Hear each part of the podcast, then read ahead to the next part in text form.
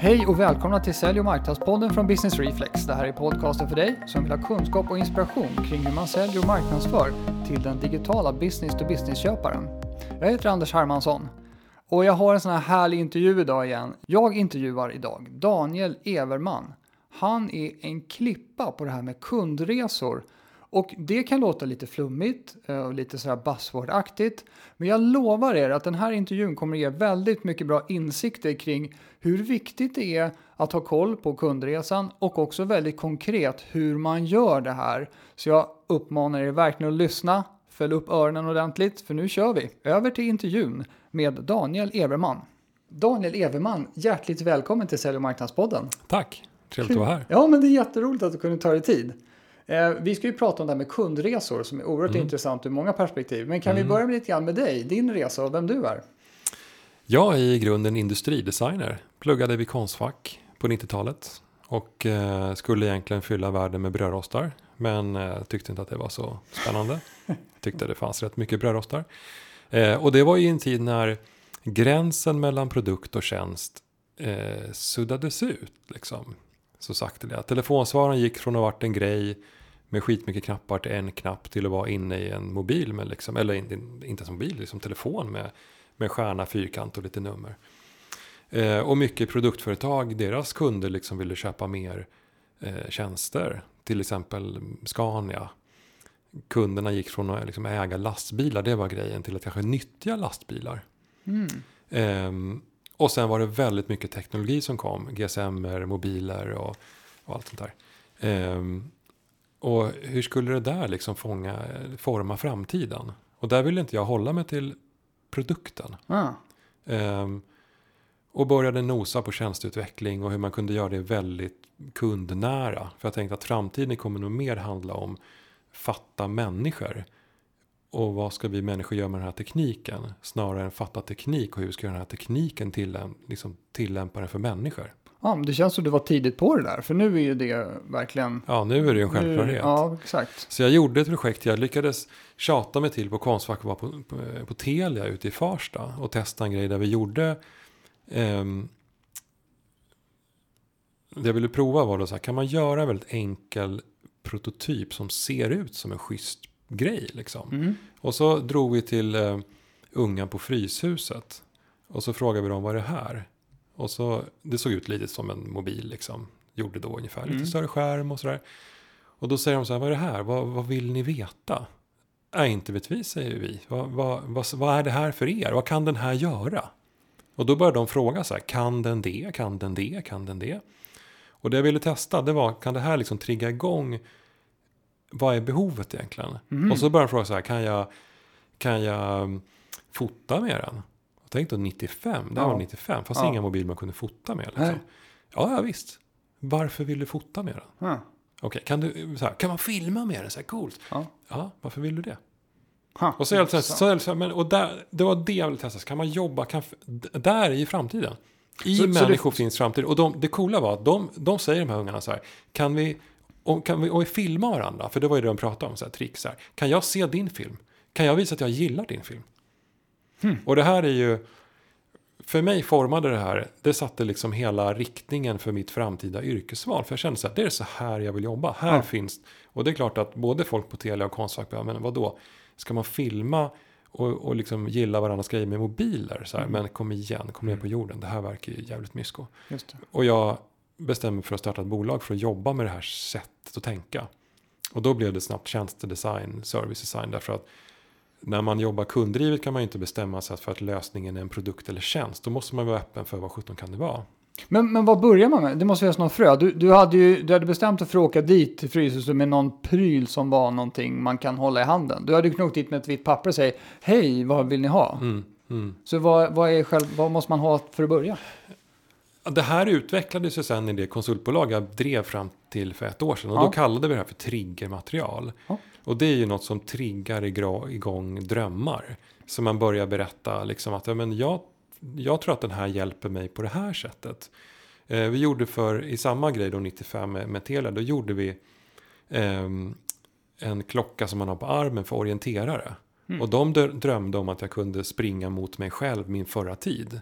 Eh, se var jag är någonstans. Alltså 95 var det här, det var så, så framtid så det fanns liksom ingenting. Och, eh, av det då liksom.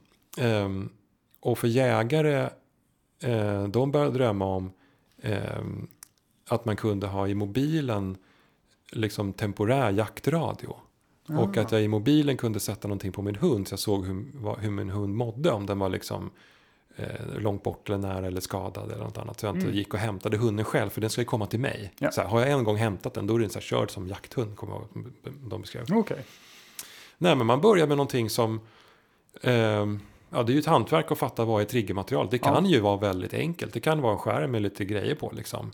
Ehm, jag vet i eh, bolaget jag drev, Transformator Design, där gjorde vi grejer med Svenska Spel som var ehm, det var liksom en bild på ett mål med någon som slängde sig och så lite grejer som var indragna. Man, man förstod inte vad det där var. Nej. Och då börjar folk fråga, vad är det här? Och så, då får man säga, men vad säger du?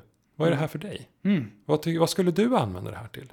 Jo, men jag skulle trycka där för att se mina kompisar. Varför det? Mm. Varför trycker du inte där för att se liksom, hur många mål den här gör? Nej, för det är kompisarna som är grejen här. Mina Okej. kompisar som också är med på den här matchen. Eller som kollar på matchen. Mm. Ha. Intressant. Så då blir det egentligen, utgångspunkten blir då, om, om man tänker sig som företagare, Mm. då blir det ju, man har någon sorts utgångspunkt själv i, i någon sorts grundkompetens som företaget har, till exempel telekommunikation då, Mm, så man börjar där och, och sen, Mm. men sen så gör man ett triggermaterial och så börjar man testa och sen så har man en strukturerad process för att se liksom, vartåt det bär. Precis, så man kan säga att det här liksom utgångsmaterialet, det måste ju vara inom vår verksamhet på något sätt. Ja, Men sen ska det vara så många öppna ändar som möjligt. ja. Så att det ska vara liksom så många saker som eh, tillräckligt eh, tydligt. Det kan vara bara något på ett papper liksom. ja. Ehm, eh, tillräckligt tydligt så att det väcker frågor. Men tillräckligt otydligt så att det inte finns några svar. just det. Så att det, man, det är som en... eh, Man gör liksom ett dåligt lagt pussel och man har ingen aning om det ska bli en alp eller, alper eller en amerikansk militärbåt. Liksom. Men det är Nej. några bitar vi har börjat lägga. Så börjar, då börjar kunder använda sin hjärna själva för att fylla i. Och då Mm. fyller de i utifrån sina beteenden och sina behov. Men de kan ju, de kan ju inte komma, fram, komma på vad är framtidens tjänster och lösningar. Men de kan sina be, beteenden, sina behov. Så det är det det här bygger på. Ja, intressant. Och, och eh, om vi kommer tillbaka till, vi, vi har hoppat lite grann, jag tycker det är superintressant. Vad, vad har man det till om inte du tycker det är en självklarhet? Men vad, vad, vad, varför ska man hålla på med det här egentligen? Alltså det här var ju grunden i det jag började med då. Och det ledde till ett konsultbolag. Eh, och det som idag är tjänstedesign. Vi var ju liksom tokpionjärer inom det här. Det var ju många på jorden som gjorde det samtidigt. Ehm, och det sättet att jobba. Eh, jag tror att det är allmänt. Det är nog rätt. Eh, inom liksom, tjänstedesign i världen och hela liksom, design thinking. Eh, hela det fältet. Så är ju det här ett det här är ju tankesättet på något sätt. Och det är ju skälet till att jobba på det sättet. Det är ju att ehm, kunder kan sina behov och beteenden. Och organisationer som fattar de här allra, allra bäst. Det är de som kommer och kan göra någonting av det. Mm. De kommer bli valda. Mm. Så att eh, ehm, liksom utgångspunkten är att framgångsrika organisationer eh, vet mer om sina kunder eh, än mindre framgångsrika organisationer. För då kräver man att kunderna ska veta mer om organisationen. Ja, just det. Så att en De organisation får säger så här, själva fundera ut hur det här... Ja, så här, de våra, vår, vår försäkring är så jävla komplicerad så vi Ja. ska ha en skola för våra kunder. Mm. Ja, men det är början, början till avgrunden. Liksom. Ja, det är just helt fel. För Mm. då ska kunden lära sig mer om oss än vad vi ska lära oss om kunden. Mm. Så allt det här handlar om att vi måste veta mer om kundens behov, beteende, drömmar, liv. ehm, för att ta fram bästa lösning. Ja. Och, och det här med lösning då, för menar, det finns ju många sätt att utveckla produkter på. Man kan ju Mm. sätta sin källare och knappa loss, men det förstår Mm. jag att det är liksom lite fel väg att gå. Men, men vad, vad, vad har man resultatet till rent konkret? Kan man säga det? Vad, vad, kan vi exemplifiera på något sätt eh, Eh, vad, vad det här, en, sån här, en sån här studie då mynnar ut i? Och var någonstans i, i, i hela den här produkttjänsteutvecklingsprocessen befinner man sig när man gör det här? Ja, det kan ju vara... Det kan ju initieras ifrån olika håll. Därför att då kommer man in egentligen på det som är kundresan som är liksom nyckel, nyckelverktyget inom tjänstedesignen. Därför att när man jobbar på det här sättet så måste man på något sätt börja strukturera upp den här informationen man, man får in. Mm. För den är väldigt spretig när man inte bestämmer internt vilken fråga vi ska fråga kunderna. Och så går man ut till tusen kunder och, och ställer en koko-fråga och kollar hur många som håller med oss. Mm. Utan man säger att kunderna berättar. Då får man också in ett väldigt spretigt material. Ja. Och då börjar man, då är sättet, och det vi började experimentera med liksom 2000, 2001, liksom så här, hur sjutton gör fan det är tid här, det är tidslinjer liksom. Kan vi lägga upp det här kund, kundens liksom resa på något sätt i en tidslinje? Och så började det växa fram som idag heter Customer Journey och, och kundresan. Ehm, och det är liksom struktureringsmodellen Mm. kan man säga. Och då blir ju tillbaks till din fråga. Den är ju så här, men vad kan initieras då? Ja, det kan initieras av lojalitet. Det, I kundresan finns punkter som handlar om lojalitet. Eh, liksom referrals det viktigaste för vår organisation? Då kanske det triggar igång det här sättet att tänka och börja rita upp kundresan. Det kan handla om, om försäljning eller marknadsföring. Det ligger tidigt någonstans här. Mm. Liksom var, förmodligen någonstans innan vi har liksom bordat in kunderna och signat på. Så här. Ja, men det kan ligga mitt i produkten. Produkten kanske inte är den bästa, mest relevanta. Eller kanske i våra kundmöten.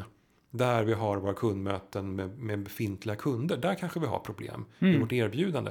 Så det kan vara över hela kundlivscykeln. Så att Mm. istället för att tänka hur organisationen delar upp sig i, i marknadsfunktioner och, och produktfunktioner och kanske customer support-funktioner och vad det nu som skulle kunna vara. Just. Så tänker man kundresan. Ja. Så det här kan användas var som helst. I Mm. all, allt det som organisationen gör för att eh, som har koppling till, till kunden på ett Mm. eller annat sätt. Okej, för, för vi har ju tittat mycket utifrån vårt perspektiv när vi, när vi hjälper bolag med marknadsföring och försäljning Mm. och så här, så är det ju mycket köpresan vi pratar om. Mm. Men det här känns som att det är utsträckt till hela kundrelationens längd. Mm. Eh, Även när man använder produkten och kanske fördjupar sitt, Mm. sin relation med sin Mm. leverantör. Då då. Ja, för köpresan är ju en del av Ja, kundresan. och, och den börjar ju, ja, min erfarenhet är nu att det, det har ju liksom mixats. Mm. Man, för man börjar Mm. ju som leverantör troligtvis leverera värde Mm. även innan ordern är lagd så att säga. Mm. Så att då har Mm. ju relationen byggts på något vänster. Sen Mm. finns det en, kanske en tydlig transaktion någonstans på Mm. mitten här. Men Mm.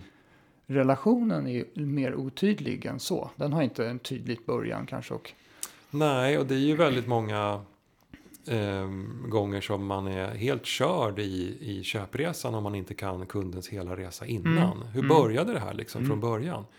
Jag vet, jag jobbade med, med en, eh, i det konsultbolag jag drev fram till för ett år sedan. Då jobbade vi med, med eh, eh, lån till bostad.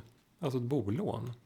Och det visade sig att det som var absolut mest avgörande där, det var att fatta liksom startpunkten. Och den kunde handla om eh, ungarna har flyttat ut eller eh, jag har fått jobb i en annan stad. Eller det startar upp hela den här processen. Mm. Eller åh vad, jobb, vad skönt det vore att sälja villan nu och liksom bli av med alla grejer så vi kan flytta in till stan. Ja. Liksom. Men vi bor kvar här för att det är så jävla mycket prylar. just det. Eh, och när man väl kommer in i någon slags lånediskussion och låneförsäljningsresan. Mm. Eh, då är ju den helt avhängig hur har den här kundresan sett ut fram till dit innan. Mm. Samtidigt som man kan, man kan fixa mycket grejer i köpresan som man sen har problem med i kundresan. Ja, Till man exempel ja, just det. Mm. En, en, ta en försäkring, när man säljer försäkring till exempel. Ja, Om jag inte genom hela kundresan sen känner igen mig från köpresan. Då undrar jag, vad är det här för en faktura? mm. Jag fyllde ju i det här på nätet. Jag känner inte, inte igen det här. Ehm, eller när ska jag förnya den här? Ehm, det ligger ju liksom i kundresan längre in än i själva köpresan. just det. Och, och eh, eh, finns det någon skillnad? Du, jag vet att du sa att det smält ihop, men, men behöver man tänka på det på olika sätt när det gäller en, en, utformningen av en fysisk produkt och den här kanske mer subtila relationen som finns mellan när man modellerar det eller undersöker det. Hur ser du på skillnaden där? Alltså jag tror man kan jobba med kundresor oavsett vad det är. Mm. För det finns ändå alltid eh, kontaktytor eh, över hela interaktionspunkter, liksom över hela kundresan. Mm. Sen är ju de som, de som har en produkt, eh, de har ju en speciell logik. Ofta. Mm. Som är liksom att vi, vi ska försöka sälja den här produkten och sen är det Sen det, mm, håller vi tummarna att ingenting händer under garantitiden och sen är problemet ditt. Liksom. Ja, just det. Medan tjänsten är ju ett sam- samskapande på ett helt annat sätt. Men Mm. är ju, man kan jobba på exakt samma sätt med kundresor. Mm. Eh, och det är ju få produkter. Eh,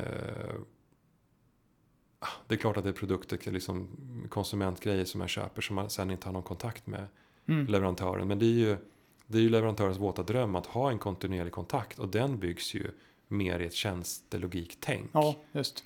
Vilken jäkla så här, mikrofon man än köper Mm. idag. Mm. Så ska man ha någon, sig. ja, precis, så ha Mm. någon slags kontakt. Och det är säkert en mjukvara jag behöver för att den där ska funka och den Mm. ska uppdateras och alltihopa. Så Ja. kundresetänket är ju relevant oavsett. Så har man kunder, Mm. då är kundresetänket relevant. Ja. Och, och, och har du tänkt på någon skillnad mellan business to business och business to consumer scenarior? Finns det någonting som skiljer där eller är det samma? Ja, alltså idag är det ju så himla lyxigt. För nu, jag jobbar ju med, när jag lämnar konsultfirma så jobbar jag med mjukvara. För, Mm. och så jag får ju insyn i sjukt mycket kundresarbeten. Och det finns tydliga skillnader i eh, komplexitet.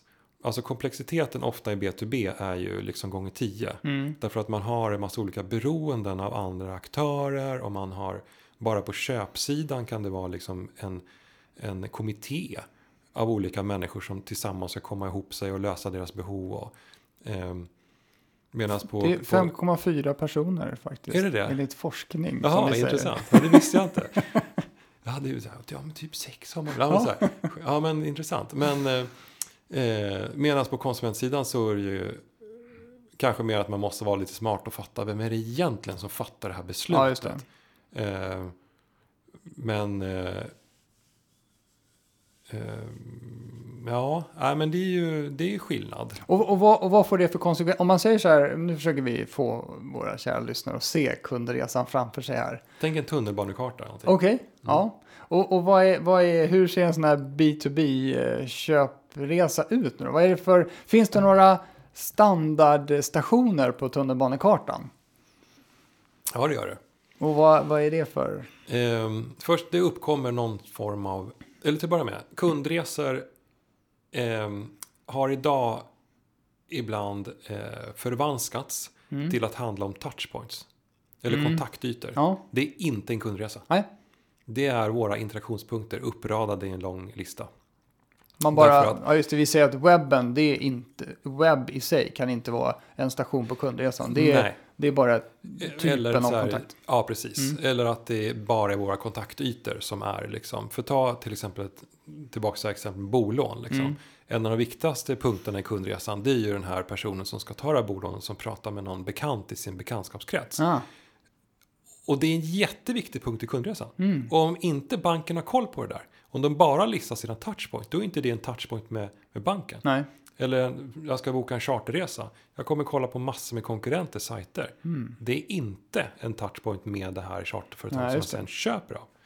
Eh, så det är det första. Och då kan man säga att då finns det liksom eh, aktivitetssteg. Mm. Den första är ju så här, någon slags behov uppkommer. Ja, Det är det första aktivitetssteget.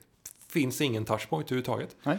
Det nästa är eh, någon slags researchfas. Att orientera sig, bilda sin uppfattning, förstå. Och sen går man vidare i en beslutsfas. Eh, och den, de här kan ju vara olika långa och komplexa och sådär. Mm. Eh, och sen går man in, in i en köpfas. Mm. Eh, och sen går man in i en, i en fas där jag precis har blivit kund. Ja. Och den bör man liksom... Det är, för, för många är den viktigaste tiden. Eh, för har man till exempel att en kund kan lämna oss ganska fort. Ja. Då är det här det gäller att skapa ett stort eh, eh, engagemang, en stor nytta, ett värde Ja, kring det här. Och sen så löper det här på vidare. Sen Mm. är jag liksom i, i min att vara kundresa. Mm. Eh, och sen kan det handla om en, liksom en slut, ett slut. Liksom. Mm. Eh, på något sätt. Där kanske det är så att man som leverantör vill förnya Eh, eller att det ska gå vidare i någon slags abonnemangsform. Just det, det är något nytt beslut som ska fattas på Mm. vänster. Mm. Eller att jag har liksom nyttjat den här eh, tjänsten eller produkten och i det här läget så, så, så vill man att personerna eh, ska rekommendera det här. Ja. Att om man får en fråga av någon annan så säger man att ah, men det här var en jävla bra grej. Mm. Och det ligger ju i slutet också, att försöka förstå hur ska man, vad är den aktiviteten som gör att vi är rekommenderbara? Ja.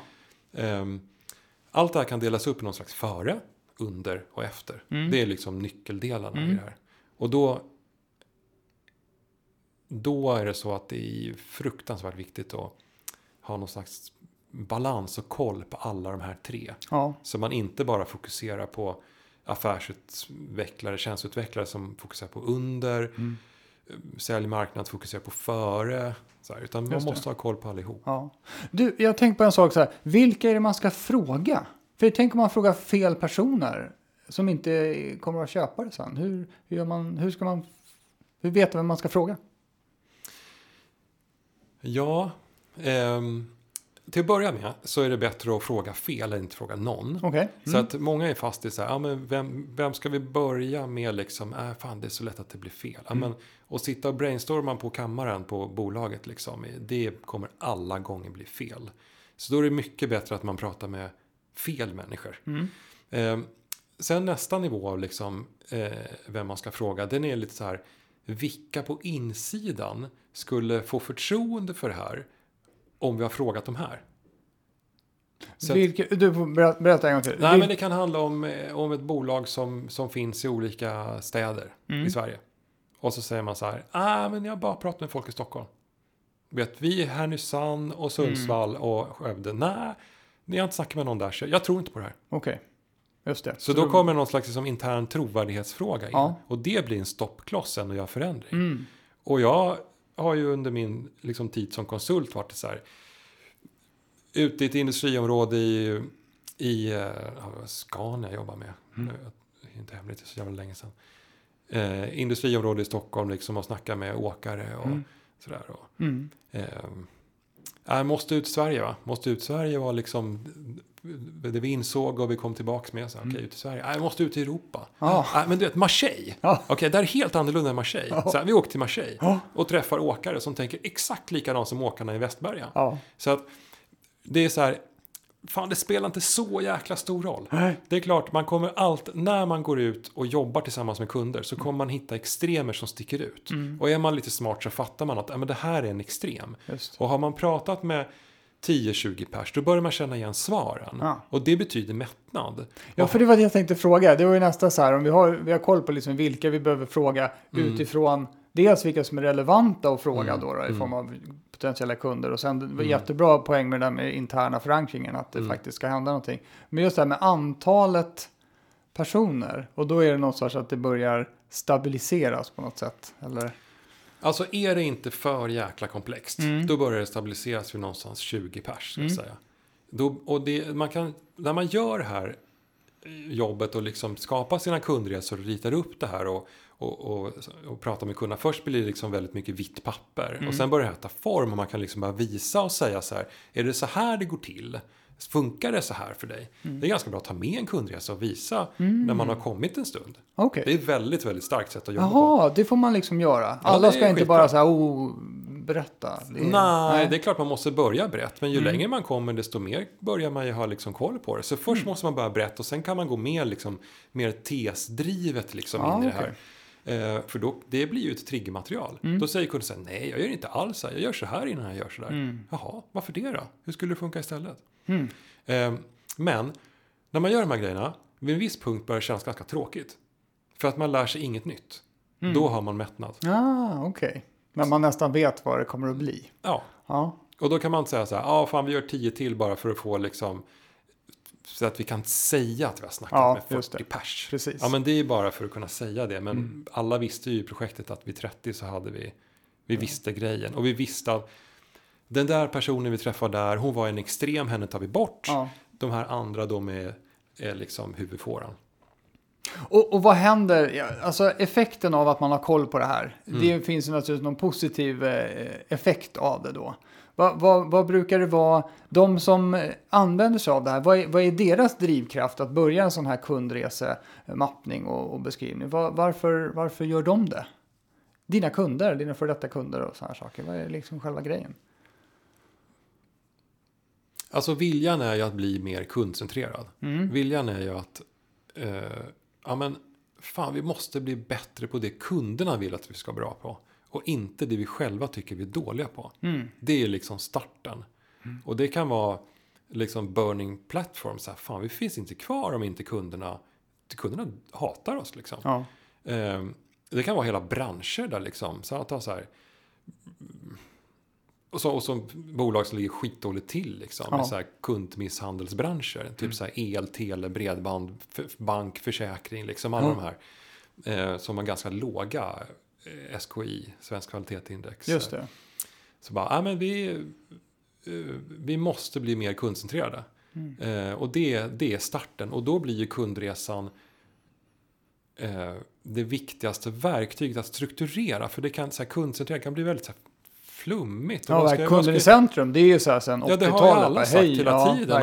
Och, och det blir så här, man går in i ett möte och den som, som börjar snacka om kund, även om det är så här, ja det var min moster som Mm. faktiskt var kund, då får den liksom mer sändningstid. Ja. Och då blir ju kundresan strukturen. Och i den här strukturen så kan vi börja jobba professionellt. Mm. Och det är det som är professionellt strukturerat, eh, få in de olika inputsen, bygga på över tid. Inte bara så här, ja vi ska ha en workshop på onsdag om kunden, ta med post-it-lapparna. Ja, vi hade skitkul. Vi hade kunnat gått ut på, på, kro, på krogen istället. Då hade vi rätt exakt lika mycket. Ja. Ehm, så drivkraften är kundcentrering. Mm. Kundresan är sättet att nå dit. Just det. Och, och det där dit, ditet, vad, vad... Alltså jag fattar, jag ställer ju frågor som är svåra att besvara kanske, men jag försöker konkretisera det. Vad resultatet av en sån här kundreseutforskning. Kartläggning, Ja. Och Mm. vad, vad, vad, hur gör man för att det sen ska bli något av det då? Eh, Alltså förändring är ju svårt. Man vill ju helst att allt ska bli bättre utan att man Mm. förändrar Mm. någonting egentligen. Alltså det första steget är ju att få upp kartan. Så här, hur reser kunderna genom vår, vårt erbjudande? Mm. Ehm, och det är liksom den stora huvudfåran och sen kan det vara några som avviker från den där och så får man väl göra några sådana sidokundresor liksom också om man jobbar lite komplexare. Det andra är att förstå hur möter vi kunden då? Vad är det som händer på scenen? Mm.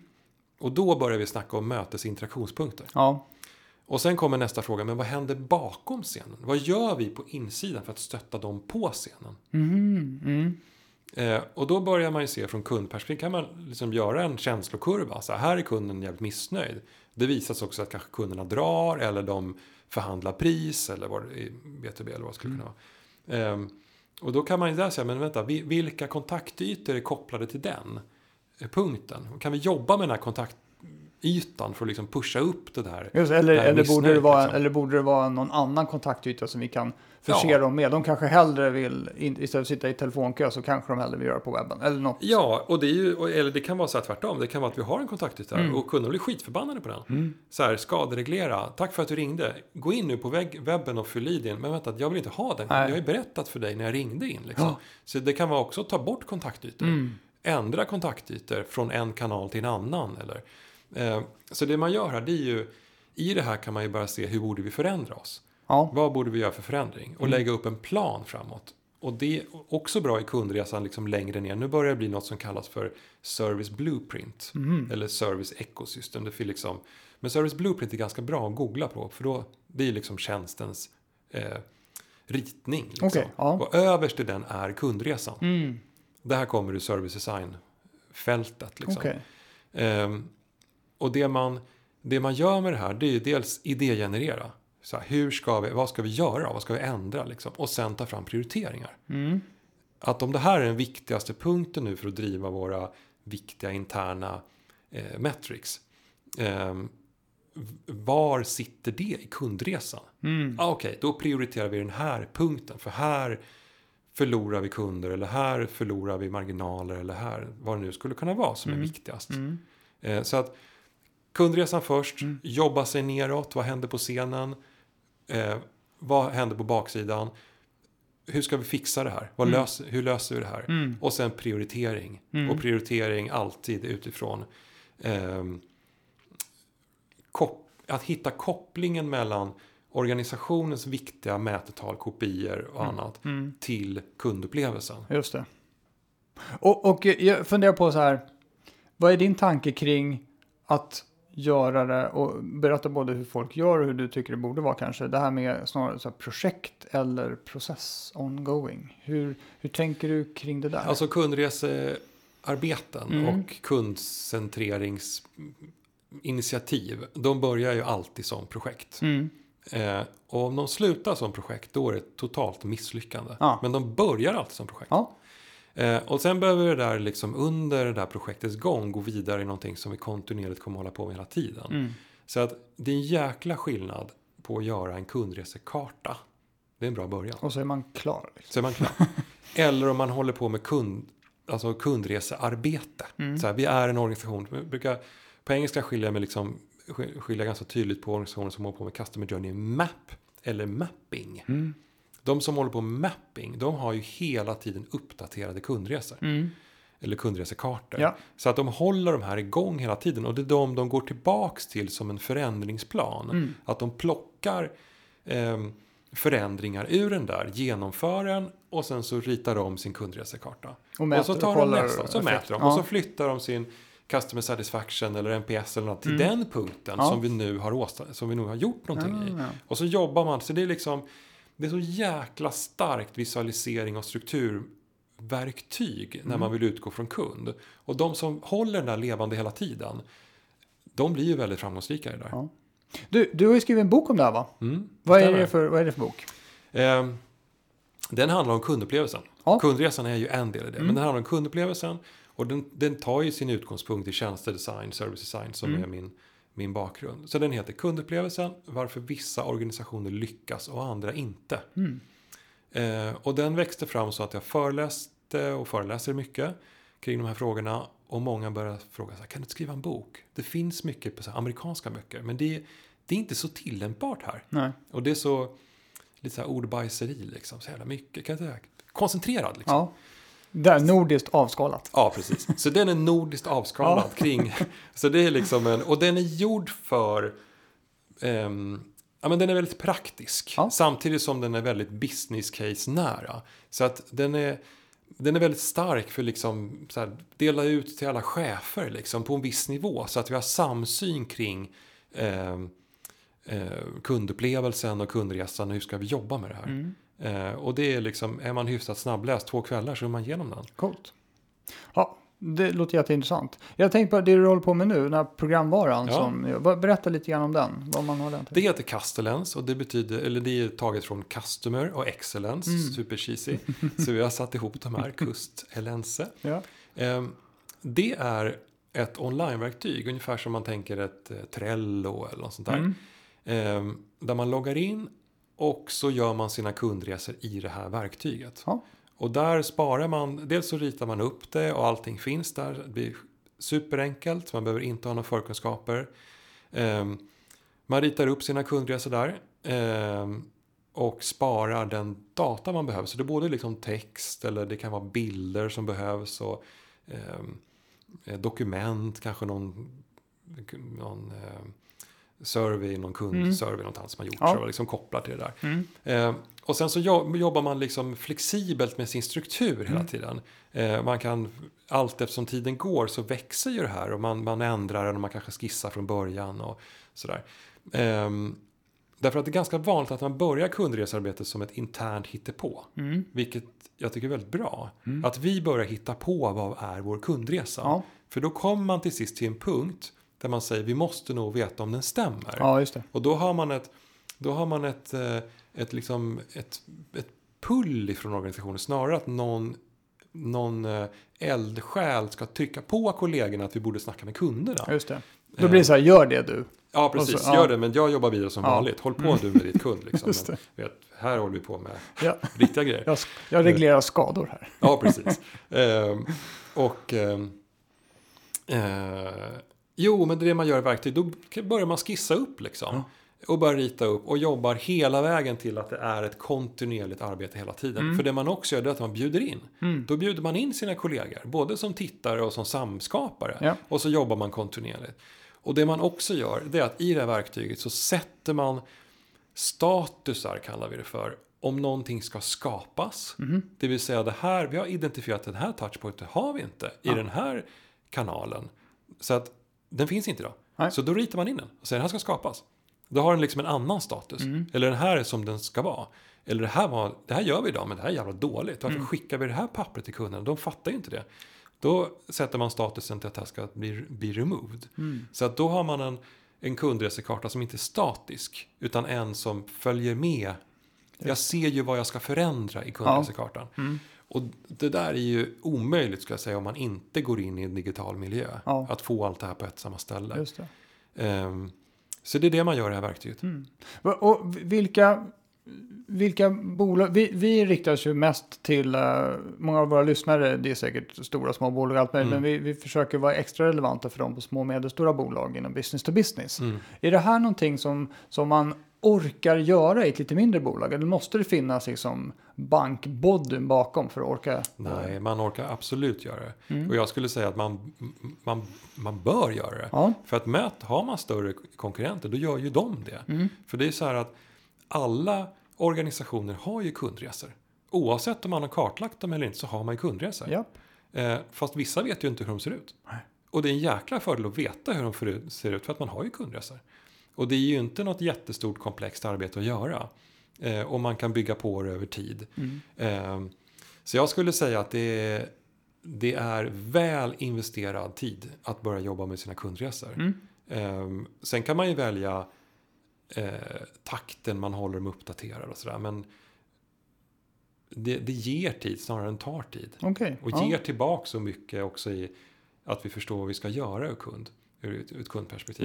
Och sen skulle jag säga att vad jag har sett ofta är att mindre bolag har ju lättare att göra det här. För de är ju mer ofta entreprenöriella. De är ofta närmare sina kunder. Mm. De har en ofta liksom bättre tentakel och feeling för sina kunder. Eh, och då få upp kundresekartorna. Det är inte ett enormt jobb. Men det ger väldigt mycket tillbaks. Ja, intressant. Jag tänkte man skulle runda av där om vi skulle försöka ge något konkret tips. Nu har man hört det här, man tycker var lite nyfiken på det. Vad är absolut nästa steg som man då skulle ta som vd eller säljchef eller vad det kan vara för någonting som lyssnar på det här programmet eller marknads, marknadsmedarbetare. Vad ska man göra nu?